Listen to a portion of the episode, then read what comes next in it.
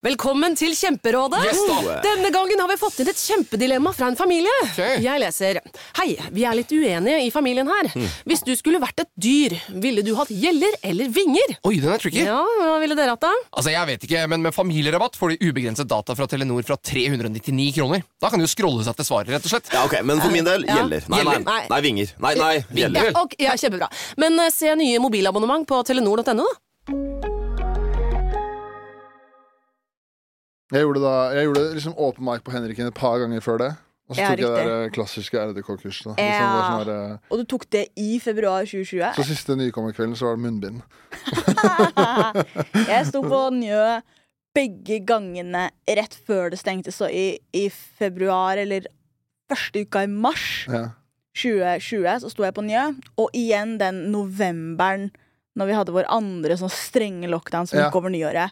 Så begge de to aller siste showene på Nye, så sto jeg. Og jeg husker den første, den som var i februar eller mars, eller når det var. Så var det Martin Beyer-Olsen som var konferansier, og han hadde liksom med seg plastikkhansker.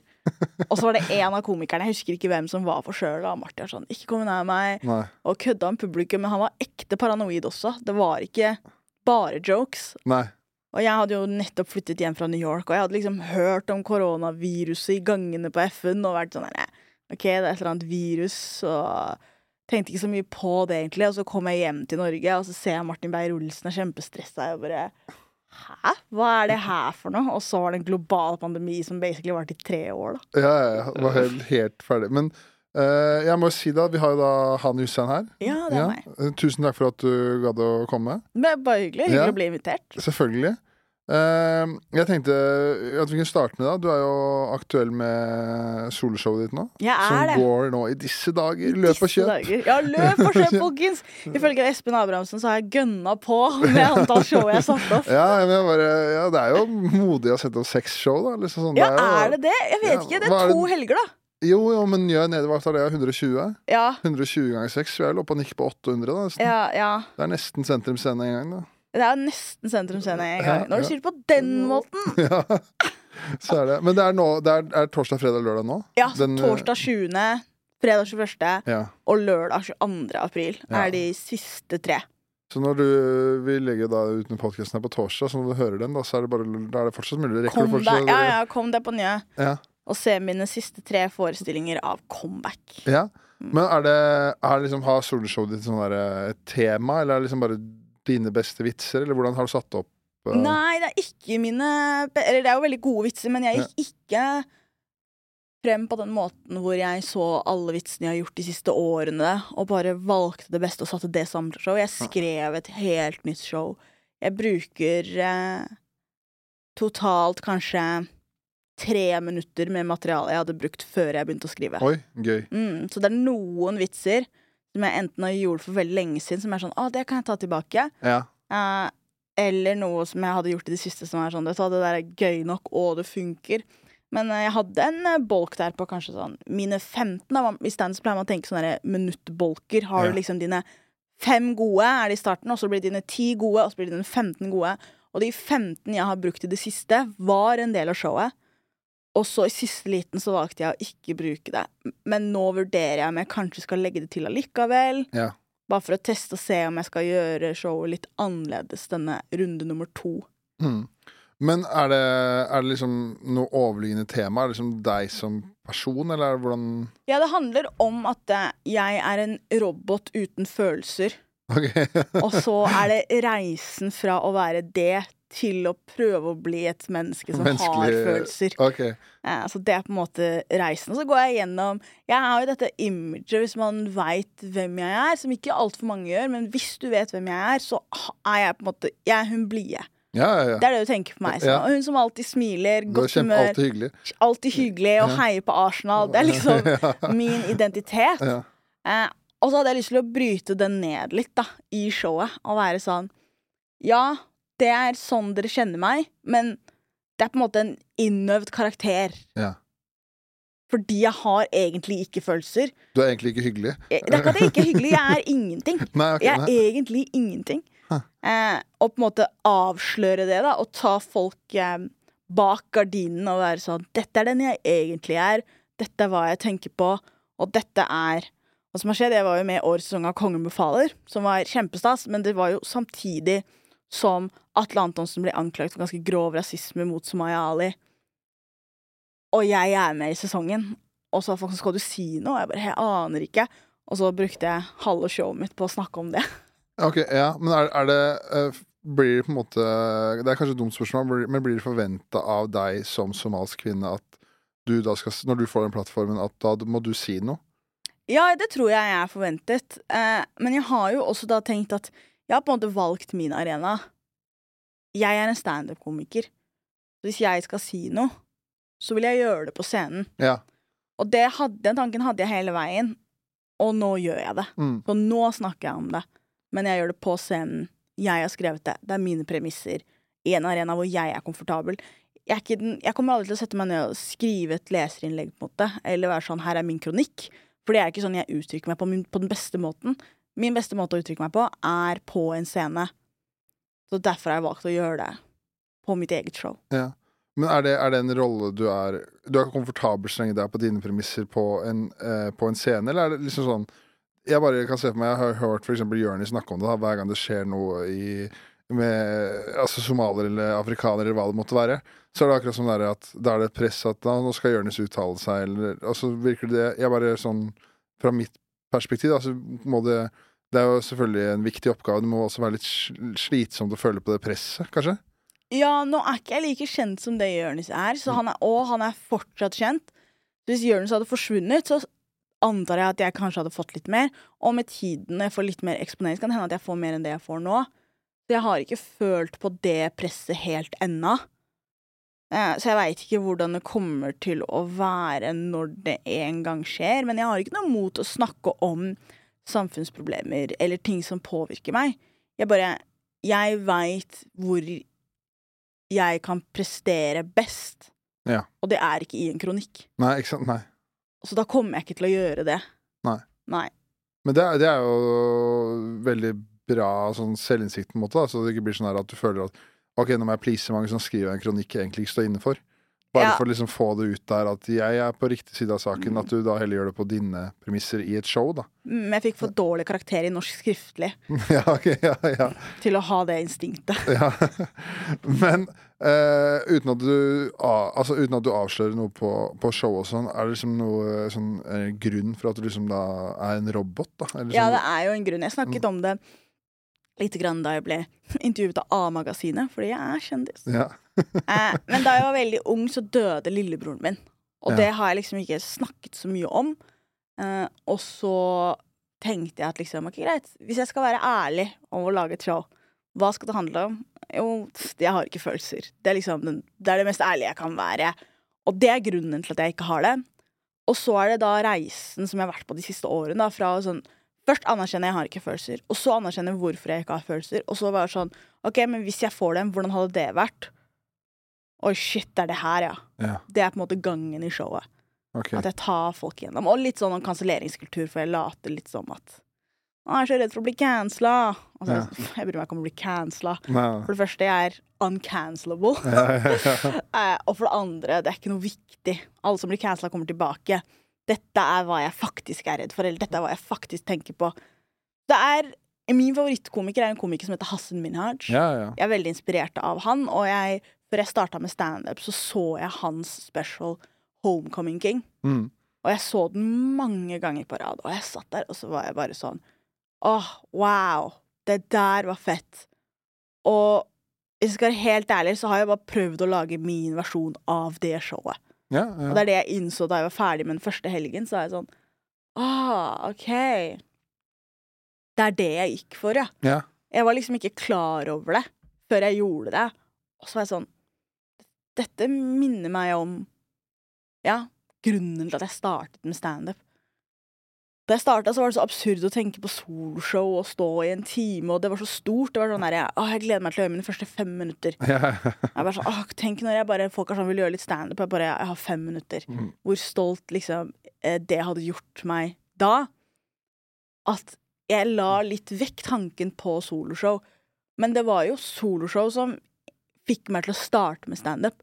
Det var ikke fem minutter klipp her og ti minutter klipp der. Det fant jeg på en måte ut senere. at det på en måte var mulig i det hele tatt. Men de første tingene jeg så, var jo timelange ting enten på YouTube eller på Netflix, og var sånn herre ah, OK, det her var jo sykt fett. Jeg vil prøve det der. Og så er det sånn Å, det krever ganske mye stamina å stå så lenge. Okay, da bryter jeg det opp i kortere deler, da. At det er liksom den vanlige reisen. Mm. Men uh, var det, hva var det som var med den homecoming, da? Han, han, eh, han, Hassan Minaj, som gjorde at liksom, ok, det traff deg så mye, da? Det var bare at han sto på den scenen og fortalte sin egen historie. På hans egne premisser. Jeg tror det er det jeg likte. Mm. Jeg visste at han jobbet med andre mennesker, og jeg jobbet også med andre mennesker. Jeg hadde Malene Stavrum på regi, som var helt fantastisk. Ja. Eh, men det er jo fortsatt mitt show. Så jeg likte å se én mann på en scene alene fortelle hans historie. Og han snakker jo det om å vokse opp som innvandrerkid i eh, Davis, California, hvor han er fra. Med foreldre fra India, og liksom. Hvordan hans reise som ender opp i The Daily Show, og hvordan det var. Og jeg var bare sånn, jeg ble så inspirert. Bare liksom det, det, det skal amerikanerne ha. De er veldig gode på å fortelle sånn The American Dream Stories. Eh, så akkurat der så falt jeg litt for amerikansk propaganda. Men jeg satt der og bare var sånn Nei, det var så fett å bare høre én manns reise. Og så var han så detaljert. Og så har jeg ikke så mange fellestrekk med Hassan Minaj. Jeg er kvinne, han er mann. Han er kanskje 10-15 år eldre enn det jeg er. Eh, Han bor i USA, han var gift på det tidspunktet her. Jeg studerte Afrikastudier, han jobbet for The Daily Show. Og selv om jeg liksom Og jeg hadde aldri gjort standup, han hadde holdt på det i ti år. Og det var såpass personlig og så detaljert. Og allikevel så satt jeg i min stue i Trondheim, eller faktisk i en forelesningssal i Trondheim, og skjønte meg igjen. Ja. Og da var jeg sånn Herregud, så fett medium det her er, da. Ja. Og det også fikk meg til å tenke at ja, hvis jeg klarer å kjenne meg igjen i hans historie, uten at jeg har så mange ting til felles med han, så kanskje andre som ikke har så mye til felles med meg, kan kjenne seg igjen i min historie Ja. når jeg en gang forteller den.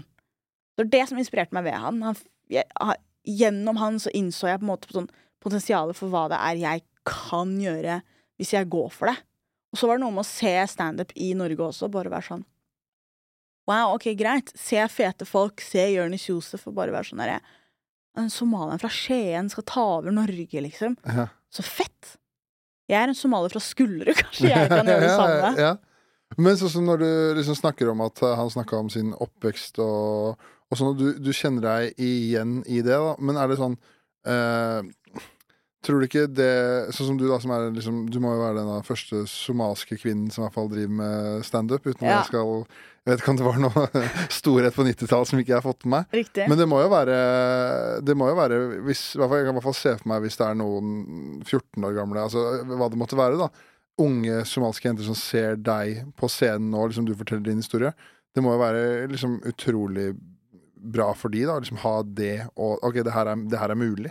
Man Mm. snakker liksom om at man er avhengig av å se Altså i hvert fall se folk som ikke nødvendigvis ligner på seg selv, men kanskje er noe lignende seg selv på TV eller i medier, liksom for å kunne innse at man kan gjøre bra ting, da.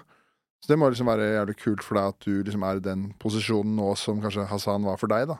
Ja, det er ganske surrealistisk å tenke på, faktisk. Men eh, jeg er jo enig veldig i det du sier. Folk snakker om eh, representasjon på TV og hvor viktig det er, og jeg er veldig enig at det er viktig. Fordi at Hvis man ikke ser noen som ser seg selv på TV, så betyr ikke det at man aldri kommer til å komme seg dit. Det betyr bare at det krever så ekstremt mye mer energi å til og med komme frem til den drømmen om å kunne gjøre det. Ja. For det må du komme frem til helt på egen hånd. Det er ingen som hjelper deg på veien, det er ingen du ser, så det bare krever så veldig mye mer drivkraft. Egentlig mer drivkraft enn hva du trenger for å drive med tingen. Ja. Det er sånn, det krever altfor mye forarbeid i forhold til hvor mye arbeid som faktisk trengs, bare for å komme seg til startstreken. Og når du først er på startstreken, da krever det ikke så mye, men da er du allerede utslitt. Fordi du står på linje med, med alle andre, og de er bare sånn Vi har nettopp starta, du bare Jeg har brukt årevis på å komme meg hit. Du har nettopp starta, og du har all av energien. Og Derfor er det viktig å se seg selv på TV, tenker jeg da, sånn at folk som har de ambisjonene jeg har, ikke trenger å bruke like mye krefter som jeg brukte, bare på å komme seg til startstreken. Jeg var sliten før jeg starta, på en måte. Og jeg håper at ved at jeg gjør de tingene jeg gjør, og at jeg kaller meg selv somalier i det offentlige rom Fordi noen ganger når jeg selv, kaller meg selv somalier, så er folk sånn Ja, men du er jo norsk. Og prøver å si det som en positiv ting. Og jeg bare Jeg er begge deler. Så jeg setter pris på at du mener at jeg er norsk. Men det jeg har lyst til, er at hvis du er en 14 år gammel jente eller gutt med somalske foreldre, født og oppvokst i Norge, eller nylig kom til landet Hvis du googler somaliske komikere, så vil jeg at du skal se trynet mitt. Og hvis du googler norske komikere, så er det ikke så viktig for meg at du ser trynet mitt. Nei. Fordi da, hvis, hvis, hvis du trenger norske komikere for å bli inspirert, så er det mange norske komikere der ute. Du kommer til å få treff. Egoet mitt er ikke stort nok til at jeg er sånn Og det første treffet, det må være meg. Men hvis du, hvis du snevrer inn søket ditt, og du er sånn Men fins det noen somaliere der ute? Da vil jeg veldig gjerne at trynet mitt skal være en av de du ser, og være sånn ah, hvem er hun her? Eller hæ, gjorde hun det? Sånn at du kan komme deg til startstreken raskere. Ja. Det er i hvert fall håpet mitt, da. Ja, men det, er, det, høres, det høres veldig Altså, jeg er helt, det høres helt jeg, Hva skal jeg si? Det blir, jeg er helt enig i det, at det må jo være øh, veldig kult å kunne være i den posisjonen. Men øh, for da en hvit, øh, dum mann, da, når du sier liksom at at, liksom, at du er sliten allerede før du kommer til startstreken, hva, hva, hva legger du i, i, i det, på en måte? Altså, Ved å ha vært den eneste i alle rom alltid, hele tiden, ja. og få mange spørsmål Og det er jo hyggelig å få spørsmål, men når man får spørsmål uansett hvor man er hele tiden Jeg starta med standup. Antall mennesker spurte meg sånn Oi, hva syns foreldrene dine om det her? Jeg bare sånn Det er jo greit å få det spørsmålet kanskje sånn helt i starten. Jeg har sikkert spurt deg òg, bare sånn derre Å ja, Espen, du har gått for standup, ja. Ja. Shit, hva tenker foreldrene om det? Ja.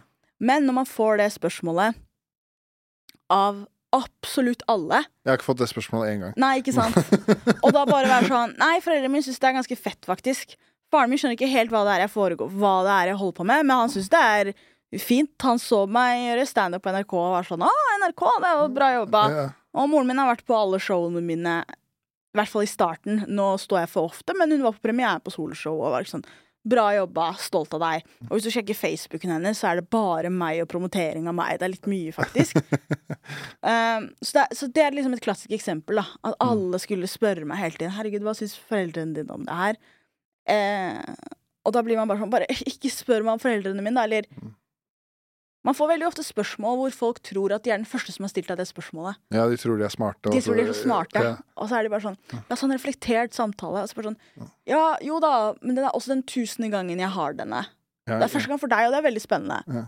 Men jeg orker ikke.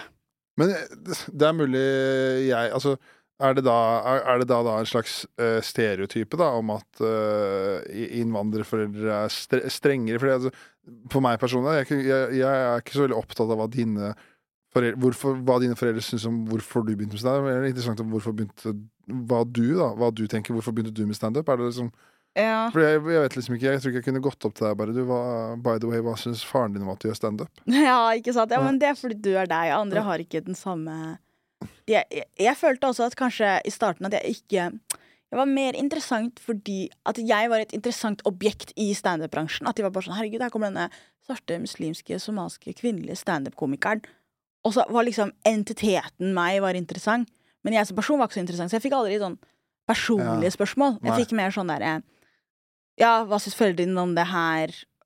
Er dette trygt? Liksom sånn derre Veldig store spørsmål som egentlig hvem som helst som hadde vært i min posisjon, hadde fått. Og veldig få spørsmål som jeg fikk fordi jeg var meg. Hani Hussein. Det var mer sånn Hei, du somaliske kvinne, vi har så mange spørsmål til deg. Ja. Så det er det jeg mener med å være at det var litt sånn Jobbe litt hardere, være litt mer slitsomt. Og så er det jo noe med å gå Å gjøre standup Da jeg først starta med standup, så hadde jeg på en måte en litt sånn meg mot publikum-mentalitet. Ok. For jeg, alle brukte sånne bokseringmetaforer, og det var bare sånn herre Standup er en kamp, og det er sykt hardt, og liksom Du må stoppe, og du må gi jernet. Og, og hvis du har et dårlig show, så er det publikum sin feil. At det var bare sånn herre Bra, ok, greit, jeg er klar for boksekamp. Og så Jeg tror faktisk det var Jonis jeg overhørte, som han var sånn ah, Han hadde hørt Jo, det er som når vi får så amerikansk media. Vi hører masse på amerikanske podkaster, amerikanske komikere, og de var sånn her ah, It's a dog fight, you have to fight. Dog eat dog world. og så husker jeg at jeg var sånn Jeg liker å være på lag med publikum. Jeg hadde også hørt Jonis si noe sånt. Og han bare sånn Vi er på lag. Ja. Og da har det endret den mentaliteten at kampen også ble, det ble litt mindre slitsomt å gå opp på scenen. For da var jeg ikke klar for kamp hver gang jeg gikk på scenen. Nei. Jeg var klar for fest. Ja, ja, ja. Jeg var sånn jeg, Hvis jeg Hvis du ler, så blir jeg glad. Hvis jeg er glad, så ler du. Altså det var sånn der, Vi er på lag her. ja, ja. Og da ble det mindre slitsomt også, syns jeg faktisk. Ja, ok, så det, det, var, det var på en måte sånn naturlig overgang. Du tok ikke noe sånn derre Eller det blir jo kanskje et valg, da, men det var det som måte gjorde at du kom ut av den boksen som du følte deg inn i, kanskje? Eller? Ja, litt grann. For meg så var det faktisk pandemien som gjorde det. Ja. Eh, Fordi i pandemien så fikk jeg mine første lange avbrekk fra standup. Jeg hadde aldri gått så lenge uten å stå. Og jeg merket at jeg på ekte savnet det. Mm. Jeg var sånn Jeg koser meg så mye på scenen. Jeg har ekstremt lyst til å komme meg tilbake. Eh, og da jeg endelig var tilbake, så var jeg også sånn OK, jeg venter ikke så lenge, og så skal jeg opp på scenen og ikke kose meg. Nei, nei. Da var jeg sånn Glem denne kampen her. Ja. Vi er på lag. Nå skal vi ha et fett show. Og det var et eller annet som skjedde. Før pandemien så var jeg en OK komiker, ville jeg sagt. Jeg var også veldig ny. Eh, og, men jeg hadde liksom vært sånn her Ok, greit, det begynner å bevege seg litt fremover. Jeg begynner å bli litt bedre, begynner å bli litt mer komfortabel. Men jeg prata ikke noe med publikum. Nei. Det var liksom, Jeg hadde sett lista mi. Hvis noe skjedde, jeg ignorerte det. Jeg var aldri konferansier.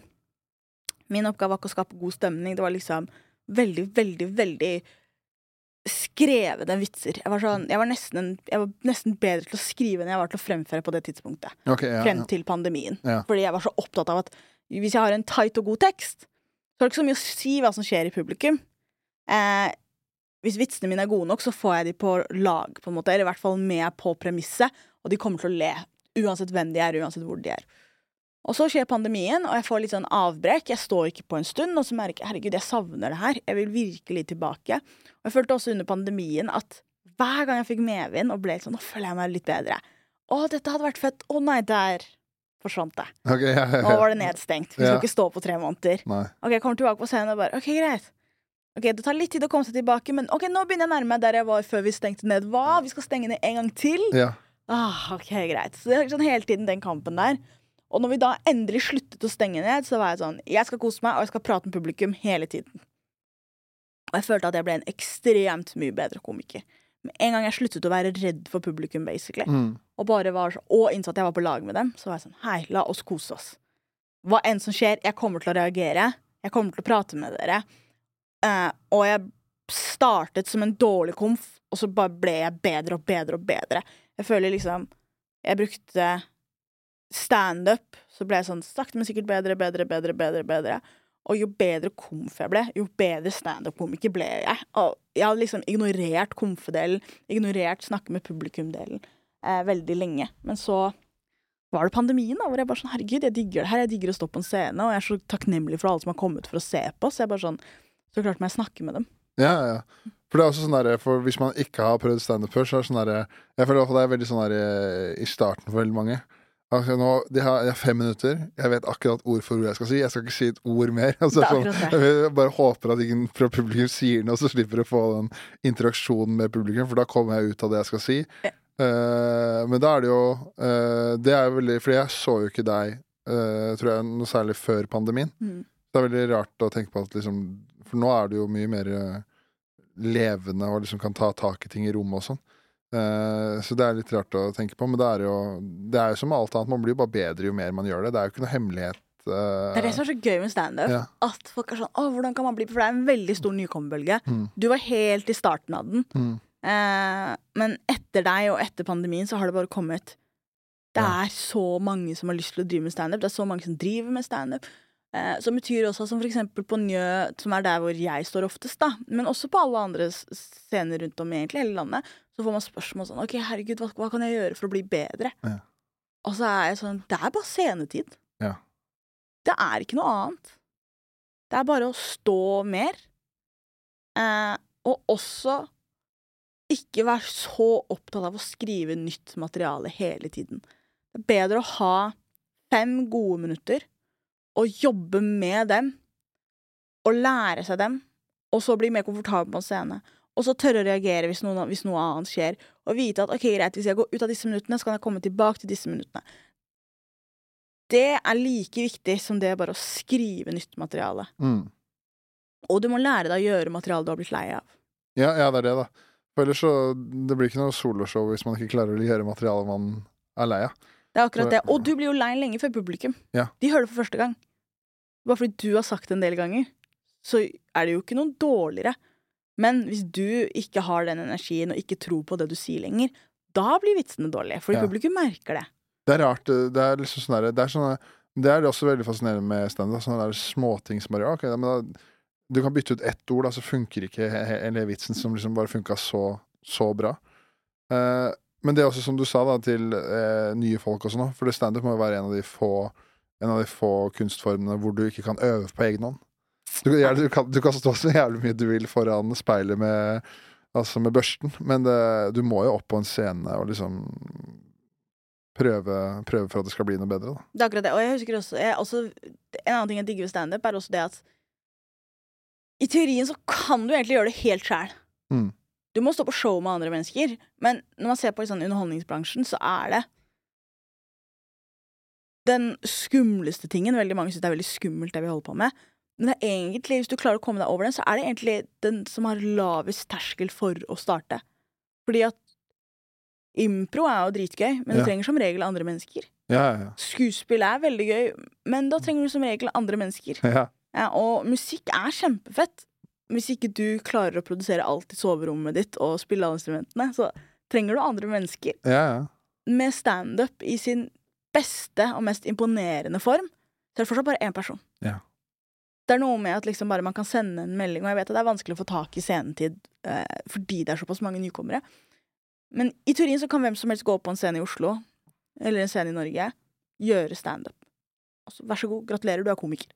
ja, ja, ja. Og det husker jeg jeg likte, fordi jeg hadde ingen tilknytning til noe i denne bransjen her. Jeg visste ikke at denne bransjen fantes engang. Nå i voksen alder så er folk sånn 'herregud, du skulle gått på Westerdals'. Jeg bare visste ikke at Westerdals fantes. Nei, ja, ja. Jeg hadde aldri hørt om Westerdals. Mm. Jeg hadde hørt om UiO og NTNU, liksom. ja. Så jeg visste ikke at noe av det her fantes. Og det at jeg som 22-åring som hadde sett Hassan Minhaj, og som jobbet i barnehage, kunne gå opp og gjøre standup Det var bare så, det er så vilt. Ja, ja. Ja. Men eh, du sa Altså, bare for det siste på, liksom, på soloshowet, som jeg tenkte jeg skulle spørre om også. eh, det er jo navnet er Comeback. Comeback. Hvorfor ga du det det navnet? Jeg hadde tenkt lenge på hva mitt første soloshow skulle hete. ene grunnen til at det heter Comeback, er det er litt gøy at mitt første soloshow heter Comeback. Ja, for det er egentlig altså Så det er litt sånn tongue in cheek. At det Ja. sånn, du, du gikk for første. Eh, Rasmus Wold sa til meg du burde kalle ditt neste show for Gjennombruddet. ja, ja, ja. ja. Så jeg likte litt, Og så er det liksom det er ett ord comeback. ja, det er kult. Det er jo kult eh, Du har jo både kult plakat, og det ser liksom kult ut med det navnet. Det er et Ja. kult ord. Ja. Eh, Og den andre grunnen er jo eh, at jeg har vært en robot, og jeg skal gjøre comeback som menneske. Mm. Så, og hele showet handler om å en gang ha vært en type person. Han mistet det, og nå finne tilbake. Eh, så gjøre comeback i eget liv, liksom. Ja. Men sånn forhold til, forhold til det sånn eh, at eh, At når du liksom mista eh, lillebroren din, Mm. og det blir sånn Du mister liksom Altså, du har ikke noen følelser, da, som du sier selv. Har du tatt noen sånne eh, bestemte grep på hvordan du liksom skal komme tilbake til å bli liksom en person med følelser? og Liksom komme deg bort fra den robotgreia, eller er det naturlig? Ja. Nei, nei, jeg har tatt noen aktive grep, ja. ja. Ja, ja, ja. Er, det, er det noe du vil snakke om, eller er det Det er, det er mer bare at jeg har gått aktivt inn for å anerkjenne. For det er jo ikke sånn at jeg Jeg, jeg sier jo jeg har ikke hatt følelser, men sannheten er at det er mer sånn at det, det har vært følelser rundt meg, og så har jeg ikke hatt noen tilknytning til dem. Det jeg aktivt har jobbet med, er å være sånn her Ok, greit, dette er trist. ja, ja. Og der har vi glede, og der har vi en form for angst, og der har vi sinne, og bare være sånn aktivt gå inn for at hva enn som skjer, så skal jeg faktisk ta en runde, og så skal jeg tenke hvordan påvirker det her meg? Hva er det jeg føler? Istedenfor å bare være sånn Nå har skjedd, meh, det går fint, livet går videre. Ja. For den innstillingen jeg på en måte har hatt, jeg bare er sånn OK, Alt sucks to suck. ja, ja, Jeg har bare gått videre. Så du, du er veldig flat? Det har vært veldig, Veldig flat? flat. Ja. Men når man er sjarmerende og blid og eh, utgående, utadvendt, så tenker ikke folk ofte 'hun er flat'. Nei, jeg har aldri tenkt at Nei, du ikke er sant? Så jeg har på flat. en måte Hver gang jeg ser deg, så har jo du noen drittkommentarer om fotballkamp Åh, eller et eller Det er så gøy, ass. Ja, Herregud, så- med deg, Espen. Mm. Jeg ser deg, og United som er så ræva. Det er, det er jo lett. Jeg møtte deg i riktig tid. Ja, det, dessverre. Jeg skulle møtt deg for ti år siden. Det hadde vært mye hyggeligere å møte Det deg. akkurat det. Men vi har hatt noen gøye interaksjoner, da. Ja, ja, Fordi vi møtes jo som oftest i helgene, egentlig. Mm. Eh, for vi står ikke på de sa Noen ganger så møtes vi midtuka, og man kan gjøre bokstavelig talt standup hver dag hele uka. ja. Men eh, det er i helgene jeg oftest ser deg, og da har du som regel enten akkurat vært fotballkamp eller er på vei til å være fotballkamp. ja. Da har jeg alltid noe å prate med deg om. da Jeg visste jo ikke at du hadde fått uh, din datter nummer to før etter at jeg hadde rosa deg for United, liksom. Men jeg hadde rosa deg for United, så var det noen andre som var sånn Å, han ble far over helgen. Og jeg bare Æsj, sorry. Jeg, jeg spurte ikke. Jeg visste ikke. Mye viktigere å fortelle at Liverpool har vunnet Det er seks. akkurat det. Jeg så deg komme jeg så deg fra 50 meters avstand komme løpende. Jeg bare, nå vet jeg hva jeg er ganske høy, så man ser meg, da. Det er ikke sånn at jeg er sånn Hæ, hvor kom du fra? Det er sånn, Vi så deg hele veien med det største smilet og bare Jeg skal ta deg, Espen. ja. Eh, Men sånn er det jo det soloshow, men det, er, du har jo også, det, liksom, det, flyter noe fryktelig godt om dagen. da Det har liksom vært P3 Born, Kongen befaler. Altså sånn, hvordan, eh, hvordan kom du inn i, i som eh, reporter P3 Morgen? Jeg eh, hadde fått med meg at Martin Lepperød hadde slutta. Mm. Alle på en måte visste det. Vi hadde liksom alle fått med oss at ah, Martin er ferdig i P3 Morgen. Og da tenkte jeg sånn ah, ok, greit, noen må erstatte det. Jeg tenkte ikke på meg selv på det tidspunktet der. Jeg var ikke sånn der, å, jeg vil være makkeren til Adelina, og vi to skal ta over P3 Morgen sammen. Jeg hadde ikke tenkt så mye på P3 Morgen, men det P3 Morgen hadde gjort, var at de hadde kastet ut et ganske hvitt nett og bare vært sånn derre Vi tar inn mange forskjellige typer mennesker til mange forskjellige typer roller. De var veldig åpne om at de ante ikke hvordan P3 Morgen skulle se ut. De bare kastet et hvitt nok nett, og jeg hadde holdt på med standup lenge nok på en måte til at jeg var på folks radar. Mm. Standup er et ganske lite miljø, og hvis du holder på lenge nok, så har du på en måte møtt alle. Ja, ja. Og det blør også inn i andre aspekter av underholdningsbransjen. Standup-komikere kan brukes i ganske mye. Um, så da ble jeg bare kontakta av, av NRK og av P3, og så var de bare sånn Hei, vil du komme på audition? var liksom førsteversjonen, da. Og det følte jeg kom ut av ingen steder. Jeg var helt sånn Hæ? What? Ok, Og så sa jeg det egentlig bare til søsteren min. Jeg bare, Hei, jeg skal på audition til P3 Morgen. Hva i verden skal jeg gjøre? Så hadde vi fått en sånn prompt, eller sånn der, en oppgave. Sånn, OK, Hanni, du skal komme inn. Allerede da så tror jeg ikke jeg var på audition for å være medprogramleder. Nei. Det var liksom en annen person og Adelina, og så skulle jeg komme inn, og så skulle jeg gjøre en greie med dem, og så dra. Og det var på en måte testen min, da. Og så var det sånn, og hva enn du skal gjøre inni der, det er helt opp til deg. Du kan bokstavelig talt gjøre hva som helst. Jeg bare, ah, ok, takk skal dere ha, det var mye veiledning å få. Hva som helst, hva i all verden skal jeg gjøre? Og så satt jeg egentlig bare og tenkte, og sånn, greit, hva er de tingene jeg liker? Jeg var sånn, min styrke er min personlighet, tenkte jeg. Så sånn, okay, jeg må gjøre et eller annet som viser min personlighet. Eh, og jeg var sånn, ok, greit. Og så er jeg jo litt ner jeg er ganske nerd. Jeg er veldig opptatt av ting, og de tingene jeg er opptatt av, kan jeg veldig, veldig godt. Det er veldig få sånne overflatiske interesser. Jeg er bare sånn, å, jeg liker fotball. Ja, ok, men jeg digger Arsenal. Det er alt jeg tenker på hele tiden. Jeg får med meg alt som skjer. Ja, ja. Eh, å, jeg liker film. Ja, jeg digger film. Jeg har, Mm. har du sett John Wick-filmene? ja, jeg har ikke sett den nyeste. Åh, du må se Men jeg den må bare nyeste. si det, da. Du er jo en av de få personene som jeg har møtt liksom, de siste fem åra. Sånn, jo, jeg drar på kino masse aleine. Ja, masse aleine. Jeg så John Wick 4 forrige uke. Det var en perfekt oppladning til soloshowet mitt. Altså. Så John Wick 4 den er så absurd, og den er så funny. Det er en av de morsomste scenene jeg har sett i hele mitt liv. Han faller ned på en bil fra en kirke, og fra der til filmen er over, er den beste komedien jeg har sett i hele mitt liv. Å, ja, okay, ja. Ja, ja, og det er en scene, en rundkjøring i Paris der, Champs-Élysées, som bare er Nei, nei, i hvert fall. Eh, så jeg er veldig interessert i de tingene jeg er interessert i. Så jeg var sånn, ok, greit, Da kan jeg lage en form for en quiz mm. om meg. Eh, og så kan jeg få dem bare til å gjette hvilke som er riktige. For da kan jeg få frem liksom, hvilke inter interesser jeg har. da Så Et av spørsmålene mine var liksom sånn herre ah, Hvilken Martin er jeg mer glad i? Martin Ødegaard eller eh, Martin Lepperød? var et av spørsmålene mine. Og så var de sånn Ok, greit, vi vet ingenting om deg. Martin Ødegaard, litt sånn kjedelig gutt. Eh, på det tidspunktet her så var han bare på lån i Arsenal, hadde ikke signert kontrakt ennå. Eh, så de var sånn her, ok, men Martin Lepperød, tidligere i P3 Morgen, veldig elsket. Vi skjønner at du prøver å liksom appellere til oss her. Ja. Så de bare ok, åpenbart det er Martin Lepperød. Jeg bare Nas, det er Martin Ødegaard. Ja. Love that guy. Digger han. Jeg tenker på han hele tiden. um, og, og så var det flere sånne typer spørsmål. Jo, først var det også en prat hvor jeg hadde liksom tenkt sånn Ok, greit, dette er hvor praten kan gå. Så jeg hadde planlagt den. Men så spurte Adelina meg, tror jeg, sånn «Ah, Ok, greit, men hva har du gjort i dag tidlig, da? Og så var sannheten var at på dette punktet her, og jeg har flytta veldig veldig ofte På dette punktet her så bodde jeg på Torshov, og så gikk jeg til NRK, så jeg bare gikk langs Ring 2. Og så var det en søndag eller noe jeg hadde audition, så jeg bare så meg rundt, og så så jeg på alle leilighetene og bare var sånn Ok, hva slags mennesker er det som bor i disse leilighetene? Og sånn, Å, shit, jeg kan jo se inn i den første etasjen der, faktisk. Og bare, Oi, de har gått på sånn, ja. Og en bitte liten TV. Sånn type ting. Og så spør Adelina meg da ah, så hva er det du holdt på med i dag. Jeg bare, nei, egentlig så bare stirret jeg inn i masse leilighet på vei ut. Hun bare, ah, det gjør jeg òg. Og så ble praten helt annerledes enn hva jeg hadde planlagt. Og så var det den delen jeg skulle teste dem. Og det som jeg jo tror gjorde at liksom bikka det, var Jeg fortalte dem sånn derre ting om meg, og så skulle de gjette om det var sant eller ikke. Og så hadde jeg fortalt en del ting, og til slutt så sier jeg sånn OK, greit. Jeg ble ferdig med videregående da jeg var 17. sa jeg. Fordi at jeg har bursdag 4. januar. Og eh, da jeg var veldig liten, da jeg gikk i barnehagen, så sa de til moren min Hei, datteren din er født så tidlig på året at hun kan starte på skolen ett år tidlig. Men vi somaliere teller bursdager annerledes. Sånn at når du er født, er du ett. Som betyr at at ja. jeg da, i stedet for å starte når jeg var fem, så starta jeg når jeg var fire, fordi mamma misforsto norsken. Ja. Og så ble ikke det catcha, og så var jeg liksom smart nok og flink nok til bare sånn Ok, vi kan ha fireåringen i første klasse, men det betyr at jeg fullførte videregående som Så står det 17-åring. to år før? To år for tidlig. Og det er bullshit. Å ja, ja, ja. Jeg kjøpte det med en gang. ikke sant i det hele tatt!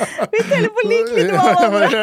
Det er jeg stussa litt på det. Så tenkte jeg bare jeg kan ikke si noe Det var akkurat det de også de var, Og så var, og så var det noen som var sånn herre Ja, men liksom, når var det foreldrene kom til Norge? Jeg bare, ja, 1994. Hun bare, ja, ok, så to ja, jeg sa, Da starta jeg i 1999, da. De bare sånn Ja, det er jo ikke utenkelig, da. Vært i Norge bare fem år. Jeg bare, Moren min kunne ganske bra norsk, altså. Jeg starta i 2001. sånn, så lå på lik linje med alle. Jeg var seks, jeg var den eldste i klassen.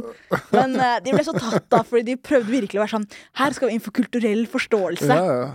Og så var det bare bullshit. Men det er et svensk program som handler om akkurat det, som heter sånn eh, Sverige for utlendinger, eller Utlendinger for Sverige, eller noe, som er et sånt gameshow. Okay, ja. Hvor svenske utlendinger, noen ganger komikere, er, er på den ene siden, og så på den andre siden så er det et panel av svensker. Og så skal utlendingene si en påstand, og så må svenskene gjette om den påstanden stemmer eller ikke. ja ok, Så jeg hadde sett det, og så er jeg sånn ah, okay, Det er dritgøy, Det er dritgøy konsept. Jeg så en dame hun er fra Eritrea, og så sa hun, hun sa et ord på Eritrea, altså. Ja. og så sa hun at det betyr demokrati. Og de bare sånn, å, det høres veldig fint ut, da, ja, vi tror på det. Men bare Bro, vi har verdens nest verste diktatur etter Nord-Korea! Vi har ikke tro på demokrati! Ja, det var så lættis. Men det skjer litt da når du forteller meg om hva du gjorde på en audition, og jeg er sånn Jeg kjøper historien, og du gjenforteller den på nytt, liksom. Ja. Selvfølgelig. Ja. Så det var liksom sånn jeg kom inn. Henning Bang er en annen person som også er utgående reporter i P3 Morgen. Og det som er litt gøy, var at jeg gikk eh, Jeg var på Løkka med søsteren min. Og så ringer sjefen min meg fra P3. Jeg bare sånn, 'Gratulerer, du har fått P3 Morgen.' Og jeg bare, what? Det tok så lang tid at jeg tenkte faktisk ah, jeg fikk det ikke. Nei. For det har gått såpass lang tid at hvis det hadde vært meg, så hadde jeg hørt noe. Eh, men så ringte hun meg, og så var hun sånn du, er- 'Det er deg, du er en av dem'. Og så spurte jeg 'Hvem er de andre?' Og så sa hun bla, bla, bla, bla, og Henning Bang og da, da. Og så går det to minutter, og så legger Henning meg til på Facebook. Ja. Og jeg kjente Henning sånn litt grann fra standup-verdenen fra før av. Så sendte jeg meldinger sånn Vet du, vet du noe? Eller sånn Legger du meg til fordi du vet noe? Eller noe sånt. Og så var han sånn Nei, jeg aner ingenting. Jeg bare la deg til fordi du kom opp på Suggestions. Så jeg bare, «Å, ok. Og jeg ikke han, han visste fortsatt ikke det. Han hadde ikke fått vite. Så jeg sånn, ok, jeg skal ikke fortelle deg Nei, at at, eh, eh, du har fått. Men det var sånn jeg endte opp i P3 Morgen. Jeg føler jeg har fått en ganske gunstig deal, så jeg er der ikke klokka seks hver morgen. Nei. Jeg er med siste halvtimen hver mandag. Så du er sånn irriterende som kommer inn der halv ti med Ja, kaffekoppen. og- Riktig. ja, Og er sånn der, hei, velkommen. Ja, Jeg er superchill, og folk er sånn, har du ikke stress å våkne tidlig? Jeg bare, kanskje for den gjengen. De starter klokka seks hver dag. Det er jo helt ja, sykt. ja. Men det er en veldig fin gjeng, og det er veldig gøy å være med. Og så er det litt sånn der, det er ganske stas å være en del av P3 Morgen. Veldig mange komikere er innom P3 Morgen ja, det er av, jo av Ja, produsent av eh, store komikere. det er produsent av store komikere. Ja. Og det er bare sånn noen ganger jeg glemmer at Ja, at jeg har gjort fete ting, på en måte. At jeg bare Mm. tenker sånn her Å ja, jeg jobber i P3, jeg. Er ikke det vanlig? Og så er det sånn Nei, jeg fant en e-post jeg hadde sendt rett etter at jeg var ferdig med studiene.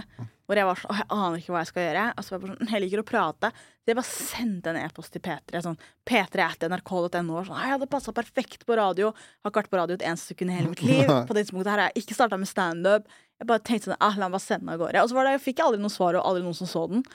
Men kanskje i fjor så skulle jeg se om jeg hadde Jeg skulle søke opp et eller annet, så det var sånn, ah, jeg tror jeg snakket om P3 i det, så jeg gikk inn på gmailen min, og så bare søkte jeg P3 Morgen, eller P3 i søket for å få opp alle e-poster som hadde med det å gjøre.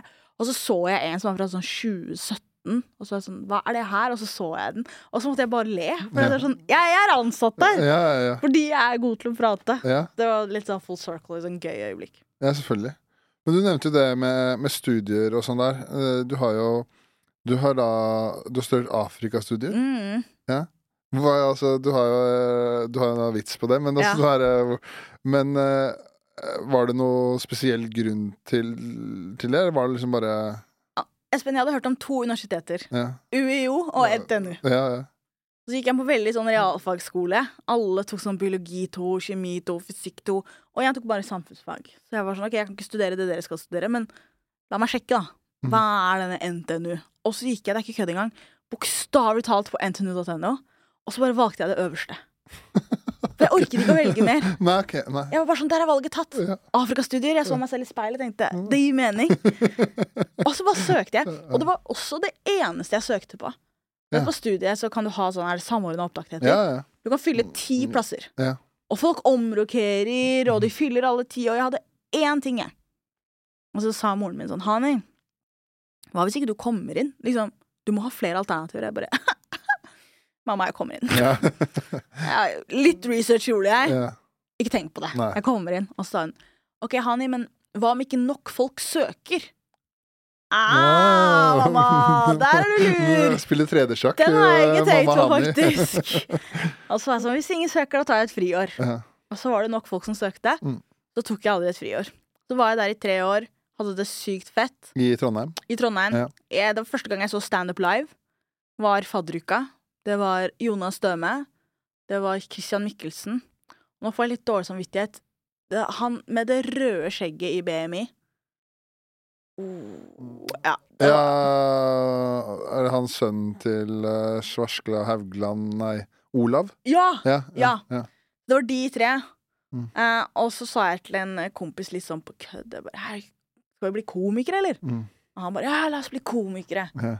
Eh, men det var 100 på kødd, liksom. Okay, ja. Men det var aller første gang jeg så standup. Det var de tre. ja. Fadderuka. 20 Første gang jeg så det live, liksom. Jeg hadde Ja, sett litt på Netflix og sånt og på YouTube. Men jeg hadde aldri sett det live. Og første gang jeg så en klubbkveld, var Olavspuben.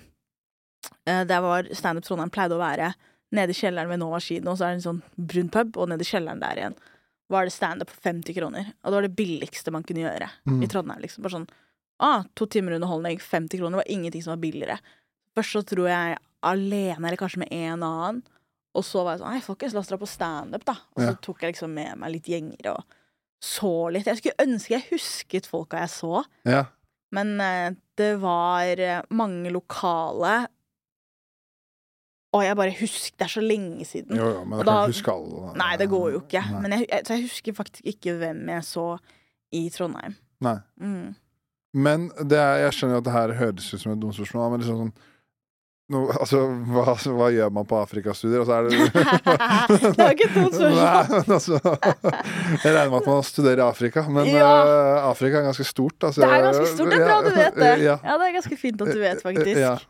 Ja, nei, det var Vi var under Sosialantropologisk institutt, så vi hadde litt sånn sosialantropologifag. d- Vi hadde fag som gikk inn i andre studier, men fokusert på Afrika. Så vi hadde Mm.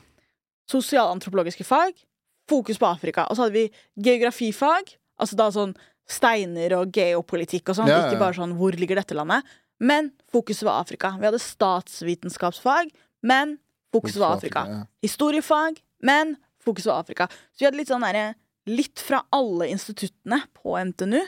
Fordi alle hadde minst ett fag som hadde Afrika i seg. Okay. Og så bare samlet vi alle de.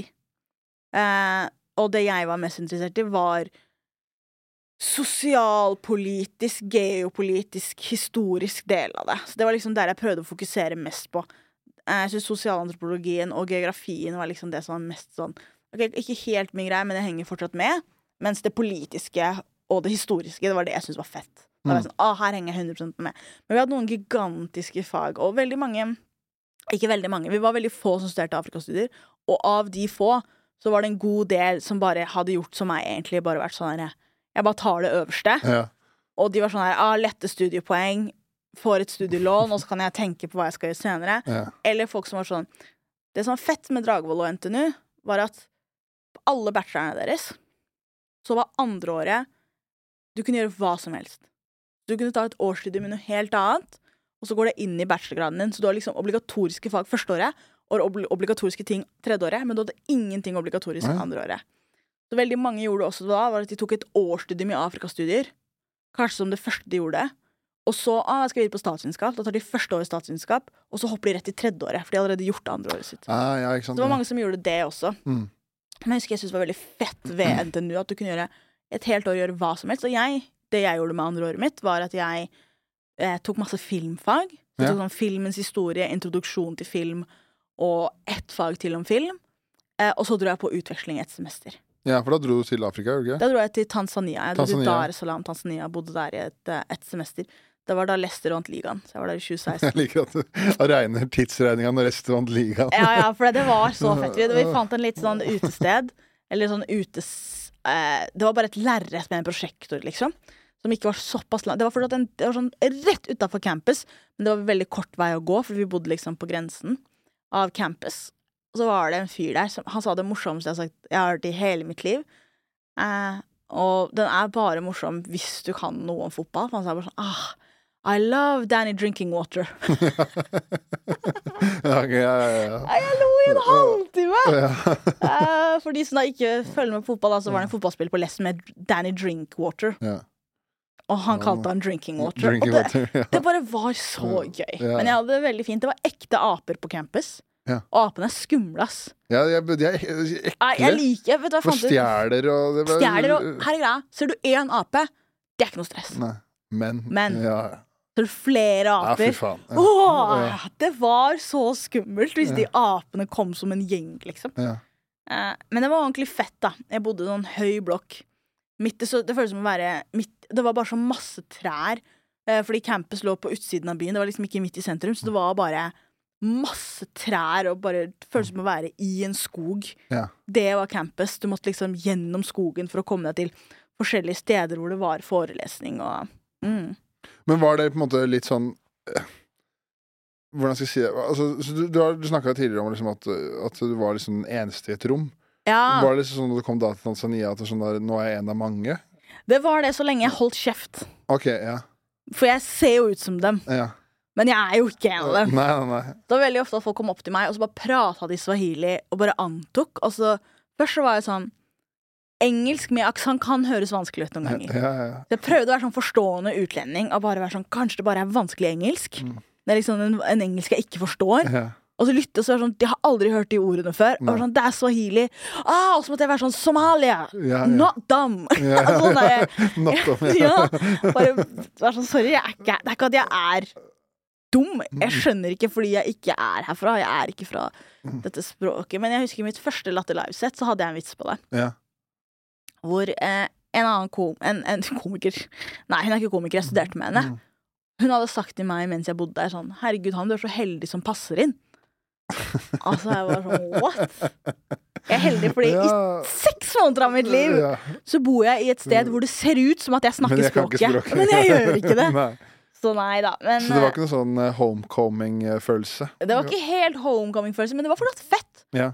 Det var fett å vite at hvis jeg Nå går jeg fortsatt med sjal, så litt grann mer synlig, men det er veldig mange muslimer i Tanzania også. Hvis jeg satt i en eh, eh, kantina, for eksempel, som var en sånn svær kantine, og satt og spiste maten min og hadde hodet ned, Mm. så kunne jeg faktisk si Så måtte jeg faktisk si hvor jeg satt, for at du skulle finne meg. Yeah. Mens i Norge så hadde jeg ikke trengt å si hvor jeg satt. Jeg hadde sagt ah, jeg er i kantina. Så hadde du kommet, så hadde det vært sånn mm, der. ja. Ikke sant? Mens her så måtte jeg være sånn Jeg er i kantina. Jeg sitter bakerst. Fordi når du står ved inngangen, så ser du meg ikke. Nei, nei. Og det var litt sånn fett, faktisk. For det hadde jeg aldri opplevd før. Å sitte der og bare være sånn der wow. Det var sykere da jeg dro til Somalia. Det hadde jeg gjort et par år tidligere. Jeg dro til Somalia første gang da jeg var 20. Og der var det enda mer mindfuck, for der var det jo ikke bare svarte, men somalere. Ja. Jeg gikk på gata og hørte Somalia, og bare hæ? Jeg bare, Å, er sant det? Ja. Alle er somalere. Og så er det noe med å se Vi har veldig mange forskjellige typer somalere her i Norge, men det er fordi ikke så mange av oss at vi kan være i alle ledd. Det som var sykt i Somalia, var at det var somalier i alle ledd. Taxisjåføren din var somalier. Og så var han som jobba i kassa, han var somalier. Og så var hun legen din, hun var somalier. Og sykepleieren var somalier. Og så de du skulle på besøk hos, de var somaliere. De som jobba for dem, de var somaliere. De de jobba for, de var somaliere. At det var bare sånn derre Presidenten her er somalier, visste du det? Det var sånn, det var helt sjukt at det var somaliere i alle ledd. Det husker jeg jeg syntes var fett. Men kan du så, snakker du somalsk? Eller? Jeg kan Somalia. Ja, ok. Bedre enn Jonis. Ok, Jonis, ja. Ok, så da, da, da, så da var det liksom Det var ikke noe problem å være Nei, jeg, jeg, jeg hang med. De, Ja. Jeg snakker det bra. Mm. Du hører at jeg ikke er født og oppvokst i Somalia. Mm. Eh, men de forventet også at jeg ikke skulle kunne det, for det er veldig mange som kommer fra Vesten. De kalte oss diaspora, som, nesten som eh, et skjellsord. Sånn se på henne. Ja. Det var en fyr som så på meg, han bare diaspora. Jeg bare Hvordan visste du det? Jeg er 100 somalier. Ja. Jeg sa ingenting. Hvordan kan du vite at jeg er diaspora? Ja. Og så så han på meg bare Brillene dine. Jeg var Ok, greit ja. avslutta brillene mine. Ja. Eh, men det var folk som trodde at jeg ikke kunne språket. ikke Specsavers. Det var, annet. riktig. Så det var folk som trodde at jeg ikke kommer til å kunne språket, og jeg bare lot dem prate. Og så bare svarte jeg. Sorry. Tanta mi er ganske god på det, for hun var uh, i Etiopia før de kom til Norge. Eller hun er i Sverige. Så før de kom, så var hun i Etiopia og eh, snakker da flytende amhari, som er det største språket der. Og hun har tatt etiopere her, her liksom, eller i Sverige, da, på det. Eh, du prøver å snakke dritt, eller Ja. Du bare forventer ikke at hun somalieren snakker språket ditt flytende. Det har, det, hun, så hun har det fetere enn meg. Folk er ikke så sjokkert når jeg kan somali, liksom. Nei, ok, nei. For jeg er jo somalier. Men ja. hun snakker amhari, så er det bare sånn wow, wow, wow. Mm. Hva? Ja, ja, ja. Men du nevnte der at, eh, at eh, du er muslim. Altså, er du veldig, er du veldig religiøs? Eller?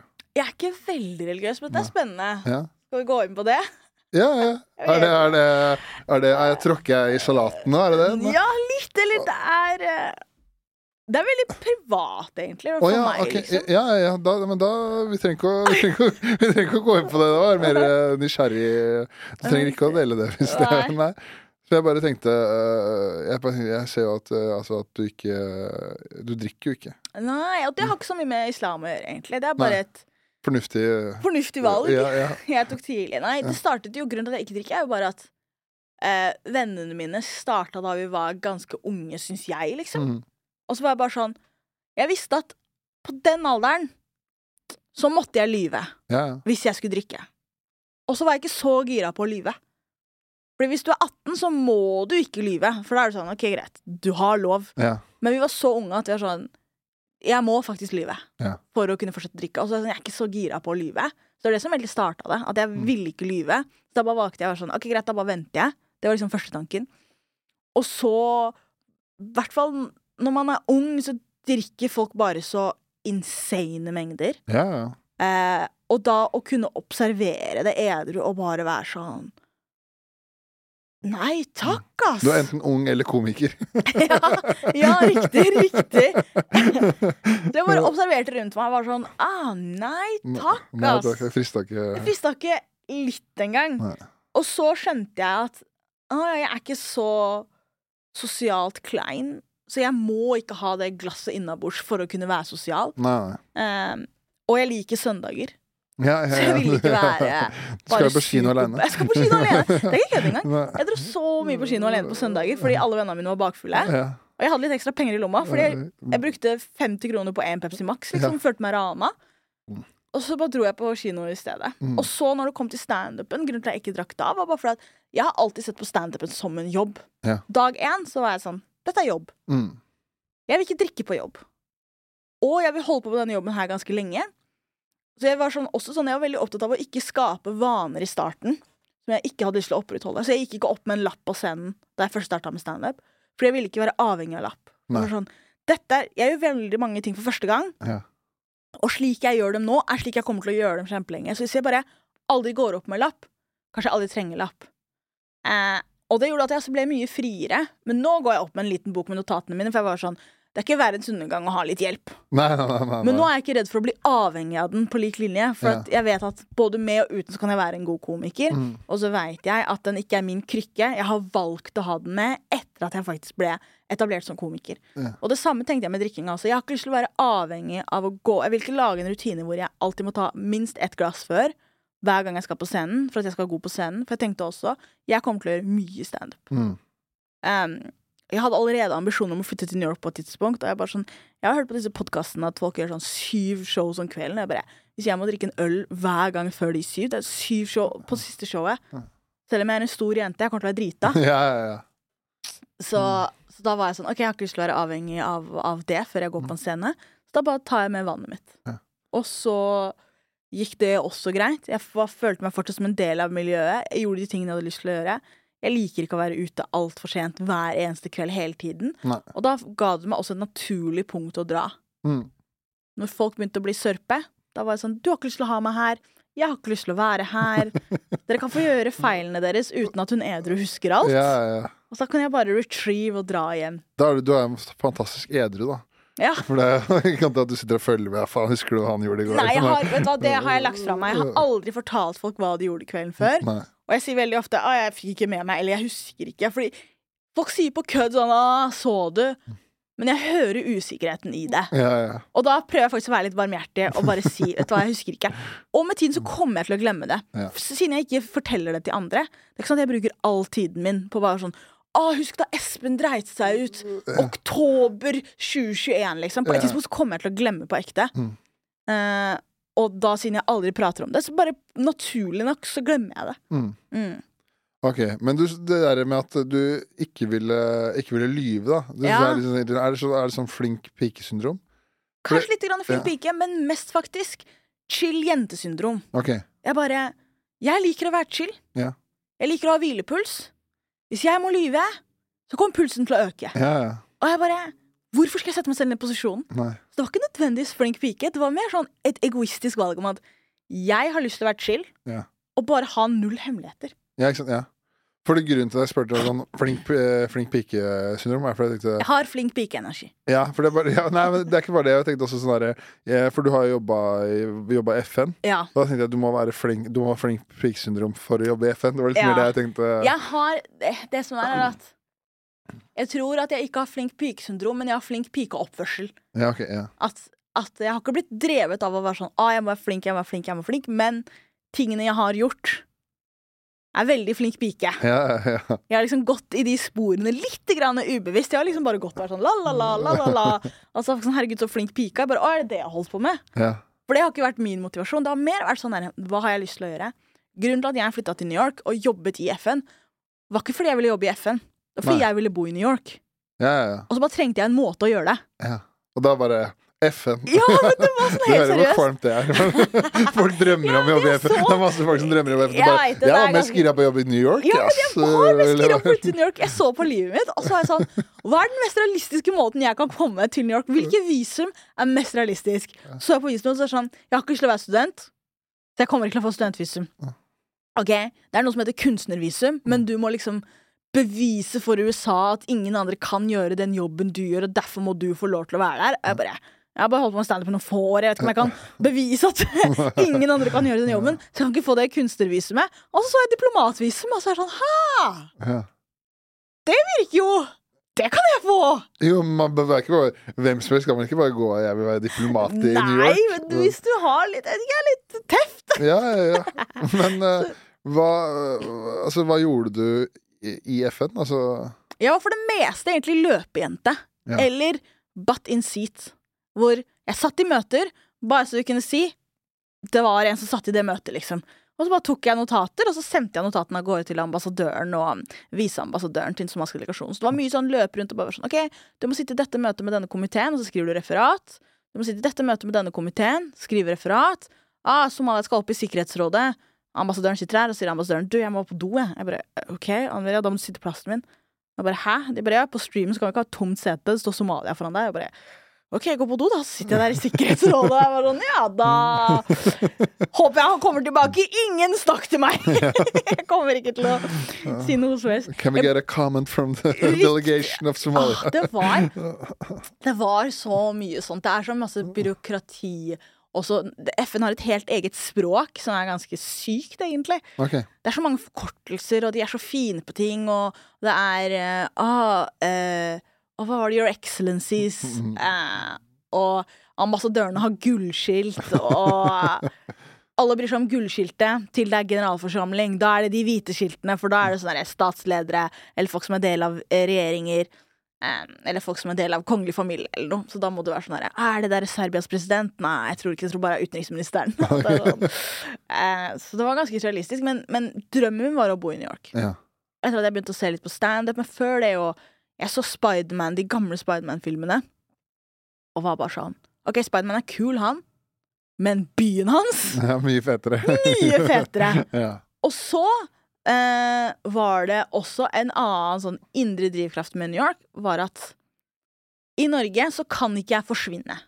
Nå har jeg i tillegg valgt å være på TV, som gjør det enda vanskeligere å forsvinne.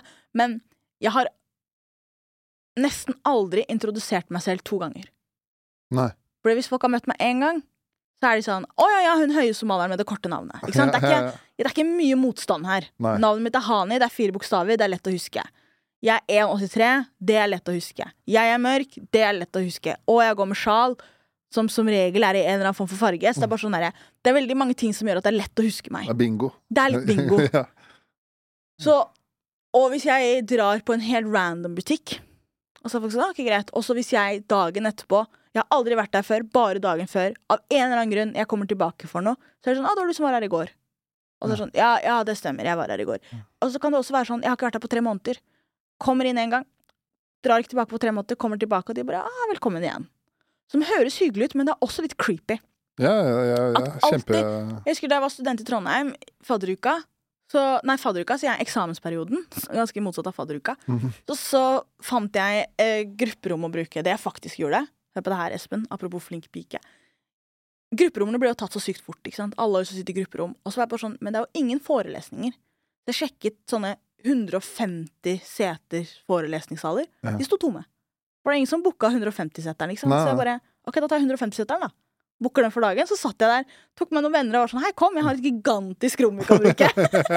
kan sitte hvor som helst.